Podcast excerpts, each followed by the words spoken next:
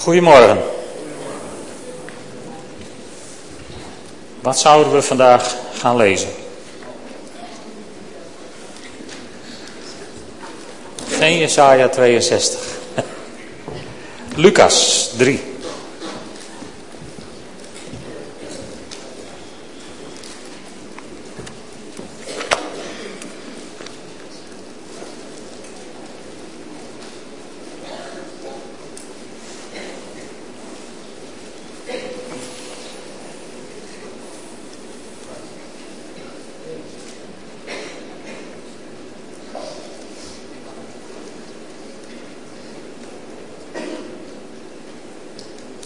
Lucas 3. In het vijftiende jaar van de regering van keizer Tiberius, toen Pontius Pilatus Judea bestuurde en Herodes tetrarch was over Galilea, zijn broer Filippus over het gebied van Iturea en Trachonitis en Lysanias over Abilene en toen Annas en Caiaphas hoge priesters waren, richtte God zich in de woestijn tot Johannes, de zoon van Zacharias daar ging Johannes in de omgeving van de Jordaan verkondigen dat de mensen zich moesten laten dopen en tot inkeer moesten komen om zo vergeving van zonden te verkrijgen, zoals geschreven staat in het boek met de uitspraken van de profeet Jesaja. Luid klinkt in een stem in de woestijn. Maak de weg van de Heer gereed. Maak recht zijn paden. Iedere kloof zal worden gedicht. Elke berg en heuvel geslecht. Kromme wegen recht gemaakt hobbelige wegen geëffend. En al wat leeft zal zien hoe God redding brengt. En dat staat in Jesaja 40. Jesaja 40, vers 3 tot 5. En daar staat: Hoor, een stem roept: Baan voor de Heer een weg door de woestijn. Effen in de wildernis een pad voor onze God. Laat elke vallei verhoogd worden en elke berg en heuvel verlaagd. Laat ruigland vlak worden en rotsige hellingen rustige dalen. De luister van de Heer zal zich openbaren voor het oog van al wat leeft. De Heer heeft het gesproken. Nou, het is niet helemaal letterlijk hetzelfde, maar het is niet zo erg. Wat opvalt is dat er in Jesaja in de nieuwe Bijbelvertaling staat: Hoor, een stem roept, baan voor de Heer en weg door de woestijn. Terwijl er in de Statenvertaling bijvoorbeeld staat: Een stem des roependen in de woestijn bereidt de weg des Heren. Nou, dat is een klein verschilletje, maakt in wezen niet zo heel veel uit. En uh, degene die erover willen steggelen hoe het precies bedoeld is, die wens ik veel succes. Want in het Hebreeuws kennen we geen punten, geen komma's en geen hoofdletters. Dus om eerlijk te zijn, is het een gokje waar je de woestijn plaatst. En dat maakt ook eigenlijk helemaal niet zoveel uit. Waar het om gaat, is om de troost die er in deze woorden zit. Want in Jesaja begint dit stukje met troost, troost mijn volk. En vertel aan Israël dat dat voor haar zonden is betaald. Van een week is het verkiezingen in Israël. Vanmorgen hoor ik een eh, klein stukje op de icon. Dan word je meestal niet zo vrolijk van de icon, maar die staat toevallig zondagsmorgens op mijn wekradio. Kun je nagaan hoe zware start ik heb op zondagmorgen. En er was een klein stukje over de verkiezingen. En toen er vanmorgen, toen, toen jij vlak achter me bad, inderdaad van laat er nu eens mensen in de regering komen die hun hoofd omhoog richten, die God zoeken, hè, die niet gaan voor, voor, voor nationalistische gevoelens, racistische gevoelens, wat voor gevoelens dan ook maar. Maar laat er nu eens een regering komen die, die rekent met God. Niet op de orthodoxe manier, maar op de manier zoals Jezus dat zou willen. En weet je, die tijd is heel dichtbij. Dat Israël zal gaan zien wie zijn redder is, wie zijn zaligmaker is en wie zijn verlosser is. Die tijd is heel dichtbij. En daar wachten we met smart op. Maar het is de vraag of dat in deze verkiezingen zal lukken. Ik denk namelijk niet dat ze dat door verkiezingen gaan zien. Ik geloof dat ze dat door de machtige hand van God gaan ontdekken. Daar begint dit mee. En dan komt dit mooie, troostende woord. Even iets over het boek Jesaja. Volgens bijbelgeleerden begint hier het tweede boek van Jesaja, Deutero Jesaja noemen ze dit ook wel. En dan zeggen ze erbij dat dit geschreven is door iemand anders, niet door Jesaja.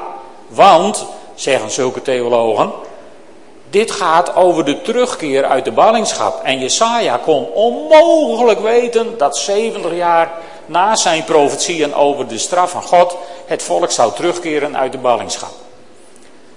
Zo kun je alleen praten als je God niet kent, niet gelooft in de Heilige Geest en geen snars begrijpt van profetie.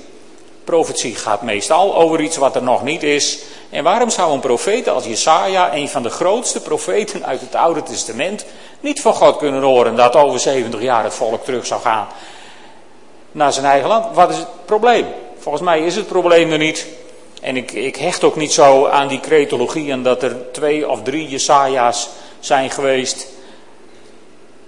Ik geloof in één Jesaja met één machtige God die tot hem sprak en hem openbaarde wat er in de toekomst zou gaan gebeuren. Dat is voor mij het boek Jesaja.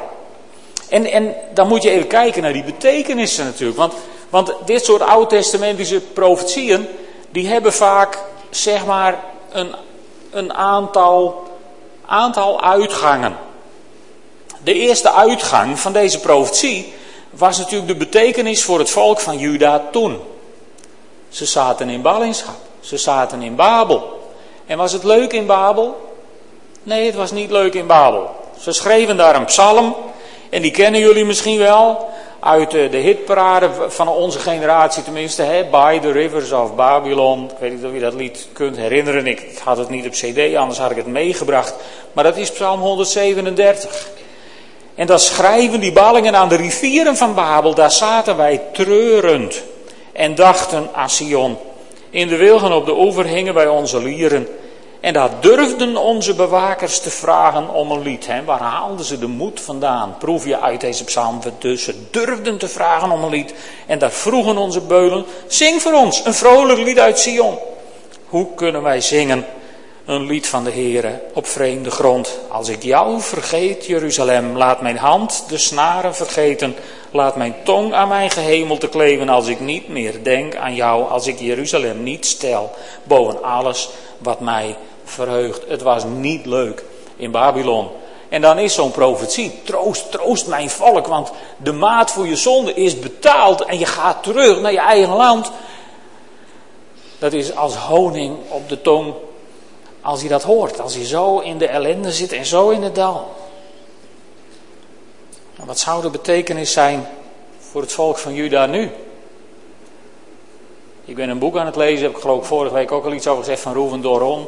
Over, over, over de geschiedenis onder andere van God met zijn volk Israël. En hij is Messiaanse Jood in Israël en hij, hij beschrijft, tenminste daar zit ik nu ongeveer, in de tijd zo begin vorige eeuw toen, toen Herzl en nog een paar mensen het, het sionisme van de grond tilden. En dat bedoel ik niet negatief, maar juist heel positief. En, en, en het volk Israël terug begon te keren naar Jeruzalem, naar Israël. En, en sinds die tijd, hoeveel miljoenen zijn er niet teruggekeerd naar het beloofde land? En ik bedoel, wij kunnen er wel politiek naar kijken en zeggen van nou, dit Israël is bepaald geen godvruchtige staat. En dit Israël, deze mensen die luisteren niet naar de Heer. Je kunt er van alles over vinden. Maar wat je er ook van vindt, het enige wat je volgens mij niet kunt ontkennen, is dat er voor onze ogen een vervulling zich voltrekt van de profetieën uit dit oude boek, van wat Jesaja heeft geschreven. Je moet stekenblind zijn of stokongelovig om het niet te zien. Dat betekent het volgens mij voor het volk Israël, het Juda van nu. En, en, en ook daar is een prachtige psalm over. Een prachtige psalm 126. Moet je eens even kijken. Zo moet het voor die mensen geweest zijn. Toen de Heer het lot van Sion keerde, was het of wij droomden. Een lach vervulde onze mond, onze tong brak uit in gejuich. En toen zeiden alle volken, de Heer heeft voor hen iets groots verricht. Ja, de Heer had voor ons iets groots gericht. We waren vol vreugde. Dat is bezig te gebeuren. Lieve mensen, in die tijd leven we. En die tijd, die duurt inmiddels al een eeuw. En nog zijn er mensen die het niet zien. Dat is wat het voor Juda vandaag betekent. Maar waar ik eigenlijk heen wil, is naar de derde uitgang van veel van dit soort oud-testamentische profetieën. Wat betekent het nou voor jou en voor mij? Want God heeft het niet in zijn woord gezet als het voor ons niks zou kunnen betekenen. Wat heb je persoonlijk aan dit woord? Daar wil ik vanmorgen eigenlijk met jullie naartoe in het kader van onze reis met God en het maandthema gebaande wegen. En dan wil ik je dit zeggen, in de woestijn van jouw leven riep een stem, baan een weg door de wildernis van dit mensenleven voor onze God. Iemand heeft hier in gehoorzaamheid op gereageerd en zodoende heeft God jou gevonden en ben je met hem op reis gegaan. Iemand heeft mij gevonden en zodoende ben ik met God op reis geraakt. Genade van God, geen verdiensten van mij. We hebben deze week in de Bijbelstudie over de Efezebrief gezien dat God naar ons op zoek was, van voor de grondlegging der wereld. En Paulus die schrijft het van God heeft ons gevonden. Halleluja. Ik heb niet God gevonden. Nee, God heeft mij gevonden. En het enige wat ik hoefde te doen is was met hem meegaan. Nou, zo is het. God heeft iemand op mij weggebracht. En die heeft een baan door mijn leven, een weg door mijn leven gebaand, zodat ik op reis kon met God. En als het in jouw leven nog niet zo is, dan wil ik je één ding zeggen, dan ligt dat niet aan God. Het feit dat je hier zit, geeft al aan dat Hij jou al lang heeft gevonden. Anders was je hier niet geweest. Je moet er alleen nog in toestemmen je verdere levensreis met Hem te gaan. De weg is gebaand, maar jij bent aan zet. De eer is aan u. De weg is klaar. God heeft u gevonden. De uitnodigingen zijn gedaan. Zwart op wit in het woord van God. En je hoeft alleen maar met Hem op reis te willen. En als hij dan op reis gaat, dan staat hier, staan hier die prachtige woorden Iedere kloof zal worden gedicht, of elk dal zal worden verhoogd en elke berg en heuvel geslecht. Misschien denk je wel, Willem, je moest eens weten hoe diep het dal is waar ik in zit.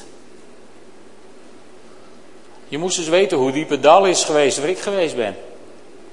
Maar we zijn hier niet om tegen elkaar op te scheppen over de diepte van onze dalen.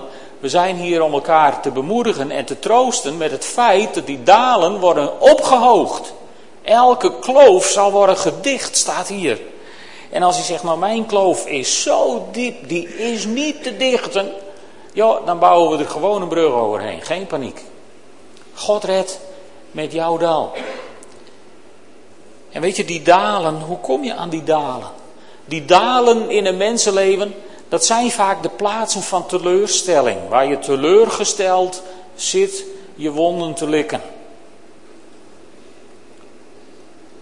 Er staat een voorbeeldje van in de Bijbel in Lucas 24, vers 21. Daar is Jezus met een aantal mensen op weg. En die zitten in een diep dal.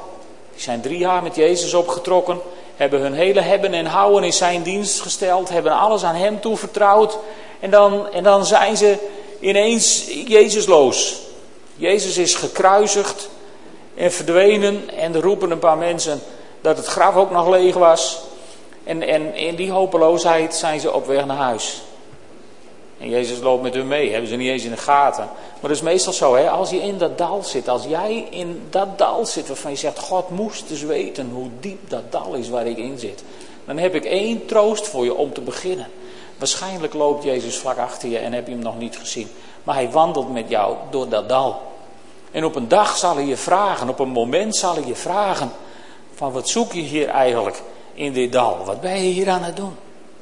En misschien reageer je dan wel net als die Emmausgangers. Weet je, die Emmausgangers die riepen van, van wij leefden in de hoop dat hij degene was. Maar, dit is zo'n menselijke reactie. Als je, als je naar mensen die in het dal zitten, mensen die in de put zitten, die, die daar wel of niet zitten te zwelgen in zelfmedelijden, dat doet er ook niet toe. Maar de mensen die onder in het dal zitten, die zullen altijd hetzelfde verhaal hebben. Ten eerste is alles wat ze zeggen, zal altijd in de verleden tijd staan. We hadden hoop. Met andere woorden, die zijn we kwijt. En uh, ze zullen ook altijd na de komma beginnen met maar. Weet je dat maar onze grootste vijand is? Toen de Israëlieten door de Rode Zee waren getrokken, kwamen ze bij bitter water, Mara. Maar eigenlijk, volgens mij kun je zeggen, toen ze, toen ze dat achter de rug hadden, kwamen ze in de woestijn en daar stond een komma en daar was dat maar. Bitter was het. Niet te drinken. Je werd er doodziek van en zo word je ook van dat maar in je leven. Dat brengt je nergens. En uh, weet je, tegen dat maar is één medicijn uitgevonden. Een geweldig medicijn. Ik heb het hier bij me. Het is niet om in te nemen. Het is om, ja wel om in te nemen, maar niet, uh, niet via allerhande natuurlijke openingen. Dit is om in te nemen via de ogen. Het woord van God. Het woord van God. In te nemen via de ogen of via de oren. Maar net hoe je er op het moment mee bezig bent. En dat woord van God is een medicijn. Want wat deed Jezus toen deze mensen begonnen? Van wij leefden in de hoop, maar ja, maar ja, maar ja, zo kun je in dat dal, zo kun je heel lang in dat dal zitten, maar ja, dat houdt je onder in dat dal, maar ja. En Jezus, die komt met het medicijn. In vers 27 van Lucas 24, daar staat daarna verklaarde hij hun wat er in de schriften al over hem geschreven stond. En hij begon bij Mozes en de profeten. Dat is het medicijn. Als je onder in het dal zit met je Maria, dan is dit, dit is het medicijn om eruit te komen. Je kunt schreeuwen naar de hemel, je kunt boos zijn op God, je kunt kwaad zijn op mensen, je kunt schelden op alles en iedereen wat je maar kunt bedenken. Het zal je alleen maar dieper in de put helpen. En als je je wendt, als je, als je dat ene moment vindt door de kracht van de Heilige Geest om overeind te krabbelen en, en, en, en, en je in het woord van God te gaan verdiepen, dan zul je merken dat daar het antwoord ligt op jouw jammer, op jouw dal op mijn dal. Ik zat in een heel diep dal en ik was ongelooflijk boos op God onder in dat dal. Ik was zo witheid laaiend op God en het enige wat ik bad was, waarom? Die typische dalvraag, hè? waarom? Als je dat bidt, zak je steeds dieper in het moeras. En toen, toen liet God me die prachtige lijf, mijn lijf, tekst vinden uit Jesaja 55. Beste Willem, mijn wegen zijn hoger dan jouw wegen en mijn gedachten zijn hoger dan jouw gedachten. En ik heb dat heel duidelijk verstaan alsof God tegen me zei, jongen, ik wil het je wel uitleggen, maar je bent te stom om het te begrijpen. Want het zijn mijn wegen en die zijn nou een keer hoger dan jouw wegen. En weet je, daar kun je kwaad om worden, daar kun je wit heet om worden, daar kun je God de rug om toekeren. Dat brengt je overigens nergens als je in dat dal zit. En je kunt ook je knieën buigen en zeggen: Oké, Heer, niet meer waarom, maar help me in Gods naam hier onderuit. En dat is de weg naar boven. De snelweg naar boven. Als je tegen God zegt: Heer, help me uit dit dal, dan zul je merken dat God acuut dat dal gaat verhogen. Dan wordt dat dal gevuld. Dan wordt het opgevuld met die wonderbare kracht van Gods Heilige Geest. En als het niet op te vullen is, dan bouwt hij er wel een brug overheen. Desnoods door het kruis eroverheen te leggen, zodat het voor je verandert. En als God aan dat dal toch wil verhogen, en dan kun je je afvragen, waarom brengt God ons dan in dat dal? Nou, daarom heb ik dat lied hier even, even neer laten zetten. Heer, u leidde mij in de wildernis, in het dal van Agor. En waarom deed hij dat nou? Waarom leidde God Hosea in de wildernis. Of waarom moest Hosea deze profetie uitspreken? Waarom leidt God iemand in de wildernis? Je kunt dit, dit stuk kun je lezen in Hosea 2. Misschien is het goed om dat er even bij te pakken. In Hosea 2, dat is het, daar gaat het erover dat Israël heeft gezondigd en God de rug toegekeerd heeft. En allemaal dingen doet die, die God in zijn, in, in zijn woord heeft verboden. En, en, en dan zegt God, ik leid haar in de wildernis. En waarom zou God haar in de wildernis leiden? Wij zouden denken, menselijk gezien, ik leid haar in de wildernis en ik zal haar eens even goed de waarheid zeggen. En als ze niet om, om wil, dan uh, red ik ermee, daar in de wildernis. Nou, God niet. Weet je waarom God haar in de wildernis leidt? Hosea 2, vers 14. Daarom zal ik haar meelokken naar de woestijn. Je proeft daarin iets van het hart van God. Hè? God krijgt het volk niet, niet bij de keel, zo van nou sleep ik je mee naar... Nee, ik zal haar meelokken naar de woestijn.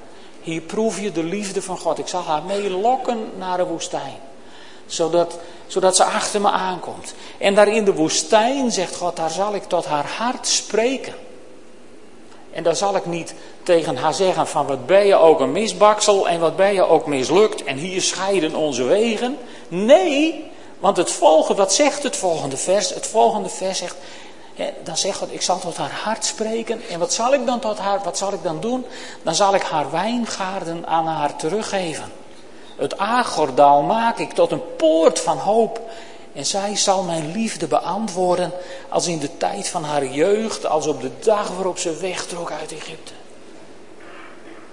Als God toestaat dat jij in een dal terechtkomt, als je het gevoel hebt dat God toestaat dat je in de wildernis van je leven terechtkomt, dan, dan wil ik je één ding zeggen. Als God dat laat gebeuren met jouw leven, dan heeft hij een heel bijzonder doel met jouw leven.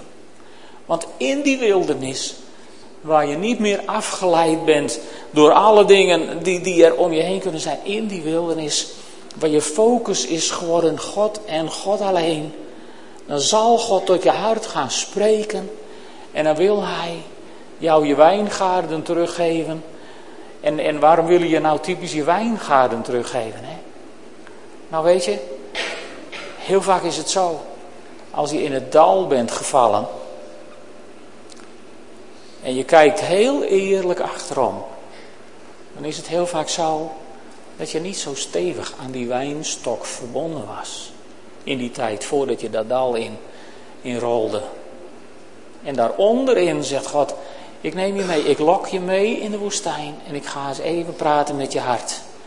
Van man tot man, van man tot vrouw, van God tot mens eigenlijk, zou je moeten zeggen. Die relatie ligt een beetje anders. Hè? Van God tot mens moet ik eens even met jou praten. Van hart tot hart. Ik neem je mee naar de wildernis en ik ga je je wijngaarden teruggeven. Ik zal je die wijnstok teruggeven, zodat die aansluiting weer gemaakt kan worden. Zodat je weer aangesloten kunt zijn op de wijnstok. Zodat er weer leven in je kan vloeien. En dan als je, als je dat leven hebt gevonden, dan zul je merken dat het dal wordt verhoogd. Dat het vlak is geworden. En dan, eh, dan zul je zien dat God dat dal maakt tot een deur van hoop. En dan zul je op een gegeven moment jezelf horen zingen. Onder in het dal. Onder in het dal zul je jezelf horen zingen. Dan zul je merken van, hé, hey, de omstandigheden zijn die veranderd. Nou, meestal niet. Wie is er dan wel veranderd? Ik? Jij? Mijn relatie met God is veranderd. En daardoor is het dal ineens dat dal niet meer. Een prachtig voorbeeld vind je daarvan in het boek Job. Ik was deze week bij de 18-plus groep en daar hadden we het over het boek Job.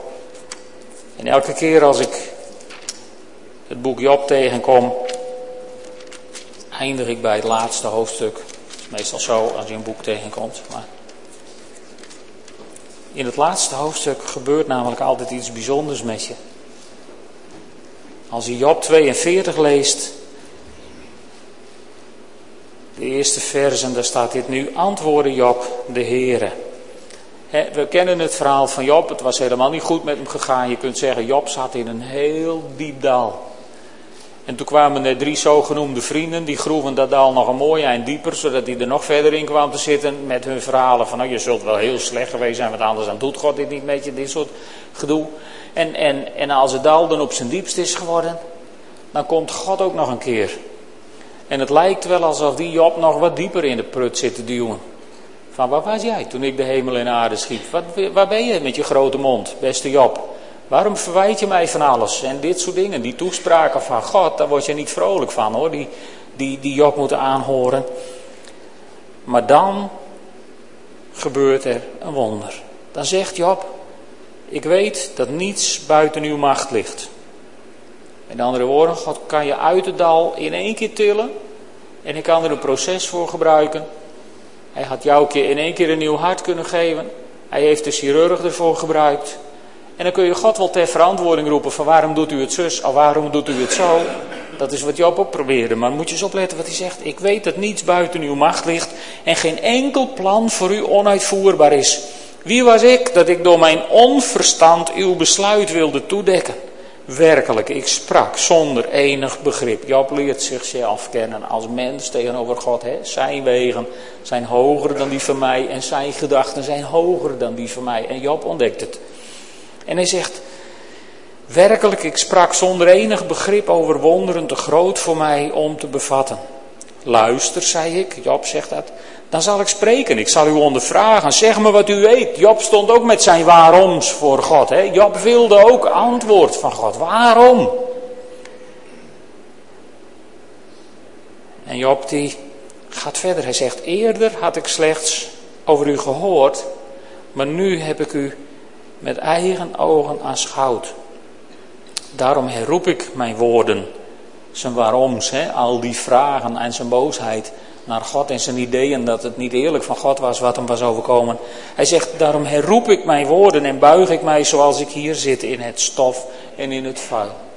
En als hij je in die tijd boog in het stof en in het vuil, dan was dat gewoon het bewijs van de ultieme overgave aan die ander die je erkende als jouw Heer en Meester.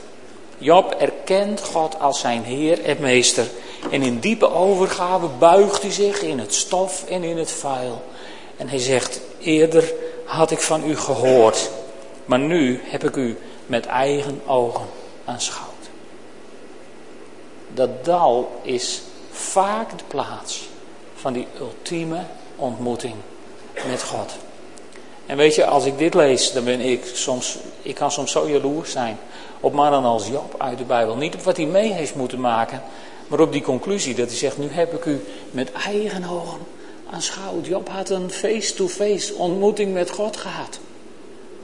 En dan geeft hij zich volledig over aan God. En pas daarna, voordat je denkt van ja, Job had makkelijk praten, want alles was weer in orde. Nee, er was nog niks in orde. Toen Job dit zei, zat hij nog net zo berooid en ziek en ellendig op de ashoop met een potscherf zijn zweren te schrabben dan van tevoren. Als Job dit zegt, is er in zijn situatie nog helemaal niks veranderd. Dat gebeurt pas hierna. En ik ga je niet garanderen dat als je je nou maar helemaal overgeeft aan God, dat het een en al weelde voor je wordt, dat je twee keer zo rijk werd dan ooit tevoren. Want dat is niet de intentie van het boek Job. Maar wat ik je wel kan beloven, is als je je overgeeft aan God, al hoe diep jouw dal ook is, al hoe tragisch jouw omstandigheden misschien ook zijn, als je je overgeeft aan God, zul je merken dat dat dal ineens het dal niet meer is. Dan is het verhoogd. En zo kunnen er ook dingen in je leven zijn waar je gewoon als een berg tegenop ziet. Want het is niet alleen het feit dat de dalen worden verhoogd. Je moet ook iets hebben om in die dalen te gooien, per slotverrekening. En daarvoor worden alle bergen geslecht. Niet allemaal. Want er blijft die ene berg of die bergen van Psalm 121, die blijven over. Hè?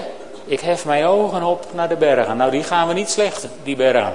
Never nooit niet. Reken er maar niet op. Er zullen altijd bergen van hoop blijven waarop je je ogen kunt opheffen. En zeggen, Heer, waar komt mijn hulp vandaan? En dan ga je ontdekken, hé, hey, warempel, mijn hulp komt van de Heer, die hemel en aarde gemaakt heeft. Gaaf, hè? Prachtig. Die bergen houden we. Maar die andere bergen, die, die onze eigen bergen, waar we onze zekerheid menen te vinden. Sommige mensen die hun volledige zekerheid menen te vinden in een goed belegd aandelenkapitaal, die zijn nu aan het ontdekken dat die bergen, uh, nou die worden wat platter. Ik hoop dat er dalen mee worden opgevuld. En soms zijn er ook van die dingen in je leven, en vooral als je onder in het dal zit, dan kan het zo zijn, dan zijn er dingen in je leven waar je gewoon als een berg tegenop kijkt. En denkt, God, hoe kom ik hier doorheen? Weet je? Als je dat God vraagt, hoe kom ik hier doorheen? Dat is een hele goede vraag hoor. God, hoe kom ik hier doorheen? Als je dat serieus aan God vraagt, gaat Hij je laten zien hoe je er doorheen komt.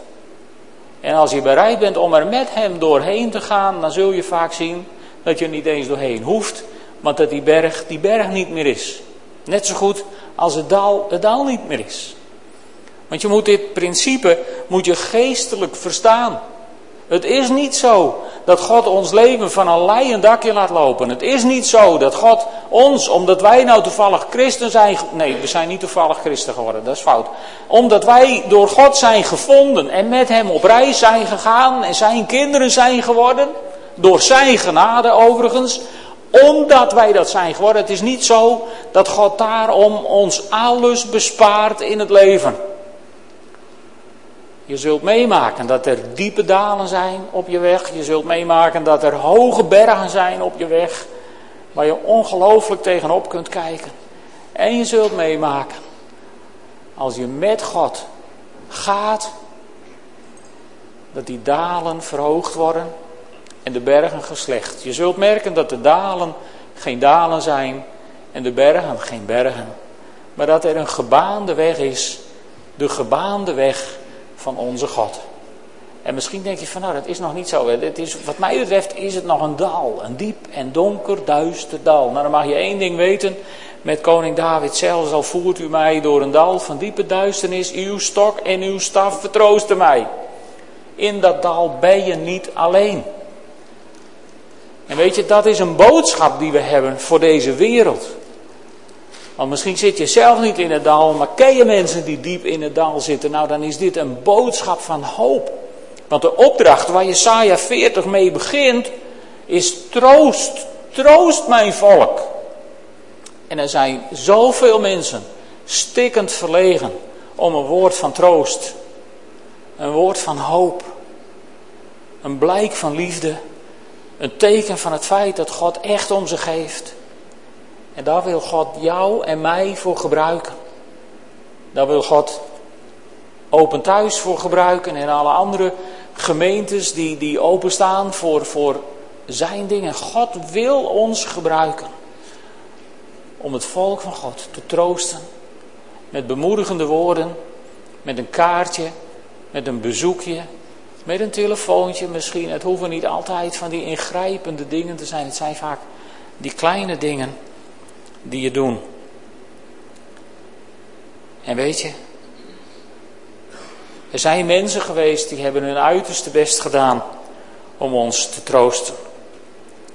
Ik vond een prachtig lied in Johannes de Heer. Dat zal ik jullie voorlezen. Johannes de Heer, nummer 39, dat zegt: Geef uw lot in handen van uw vader. Wat Job deed, hè? buig je neer. Laat uw toekomst over aan de Heer. Hart vol onrust, zie, zijn licht komt nader.